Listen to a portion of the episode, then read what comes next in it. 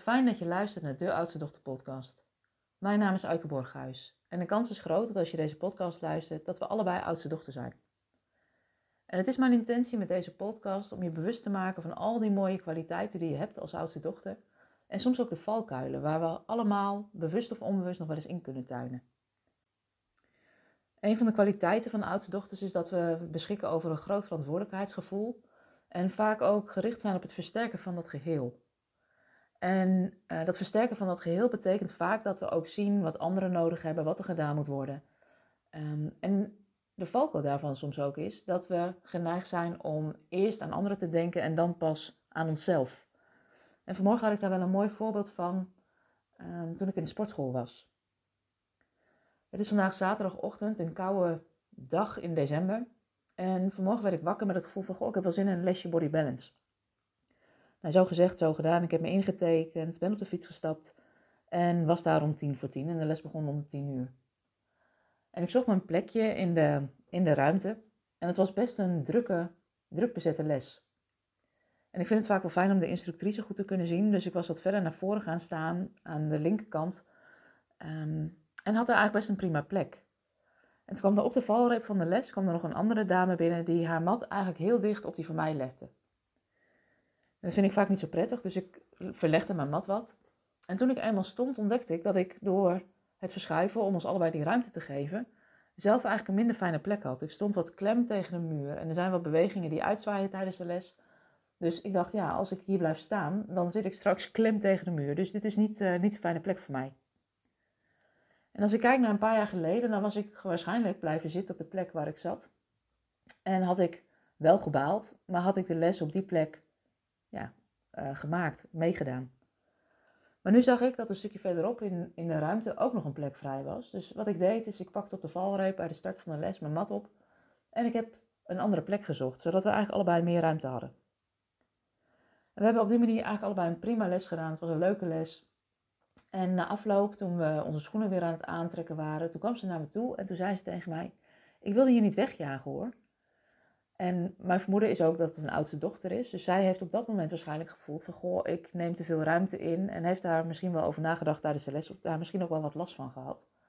En ik zou ook tegen haar... ik, het is helemaal oké. Ik heb zelf de keuze gemaakt om een andere plek in te zoeken... omdat ik voelde dat ik de bewegingen niet kon maken... en klem kwam te zitten tegen deze muur.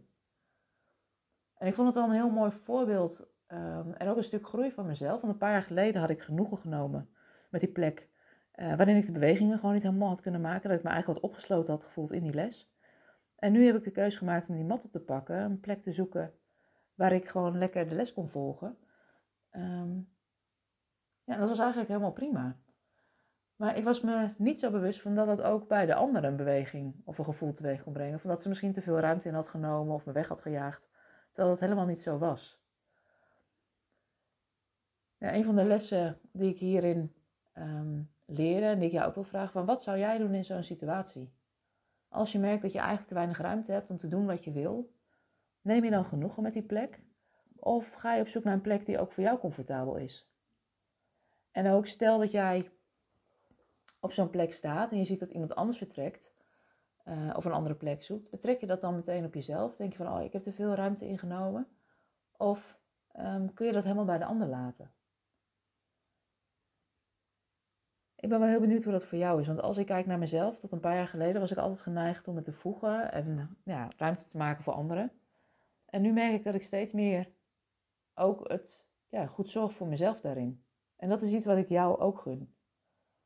Dus stel jezelf maar eens de vraag: waar laat je nu je ruimte nog wel eens insnoepen? Waar neem je nog wel eens genoegen met ja, de restjes misschien in tijd of in ruimte? Helemaal als je gezin hebt of druk bent met je werk. En wat zou je kunnen doen om die plek en ruimte meer in te kunnen nemen? En nou, dit voorbeeld uh, speelde zich af in de sportschool, maar je kan je natuurlijk voorstellen dat dit ook in andere contexten speelt. Um, als ik kijk naar mezelf, we hebben een gezin. Um, ik gun mezelf de ruimte om in het weekend ook die tijd te nemen om wel naar de sportschool te gaan. Omdat ik weet dat ik me daarna altijd meer ontspannen voel, meer aanwezig. Um, ja, dat betekent dat ik wat minder tijd bij mijn gezin ben. Maar ja, is dat dan oké? Of als je bijvoorbeeld kijkt naar je werk, hoe, hoe zit het met je werk? neem je daar eigenlijk je, eigen- plek en ruimte in? Of zou je wel wat meer ruimte kunnen opeisen? Bijvoorbeeld in een vergadering of ehm, ja, op het moment dat er een vacature vrijkomt of dat je voelt van hé, ik heb hier wel wat over te zeggen. Neem je dan de plek in in die vergadering of in gesprek met je leidinggevende of laat je het nog wat liggen? Je zou deze vraag ook door kunnen trekken naar je relaties. Hoe is dat eigenlijk in je relaties? Neem je ook je eigen ruimte in je relatie of ben je vooral aan het voegen naar anderen? Je zou het kunnen ehm, betrekken op je gezondheid. Waar zou je meer tijd en ruimte kunnen nemen om het goed te laten gaan met je gezondheid? Zo nou, is eigenlijk de vraag van, goh, hoe neem jij nou eigenlijk je eigen plek en ruimte in?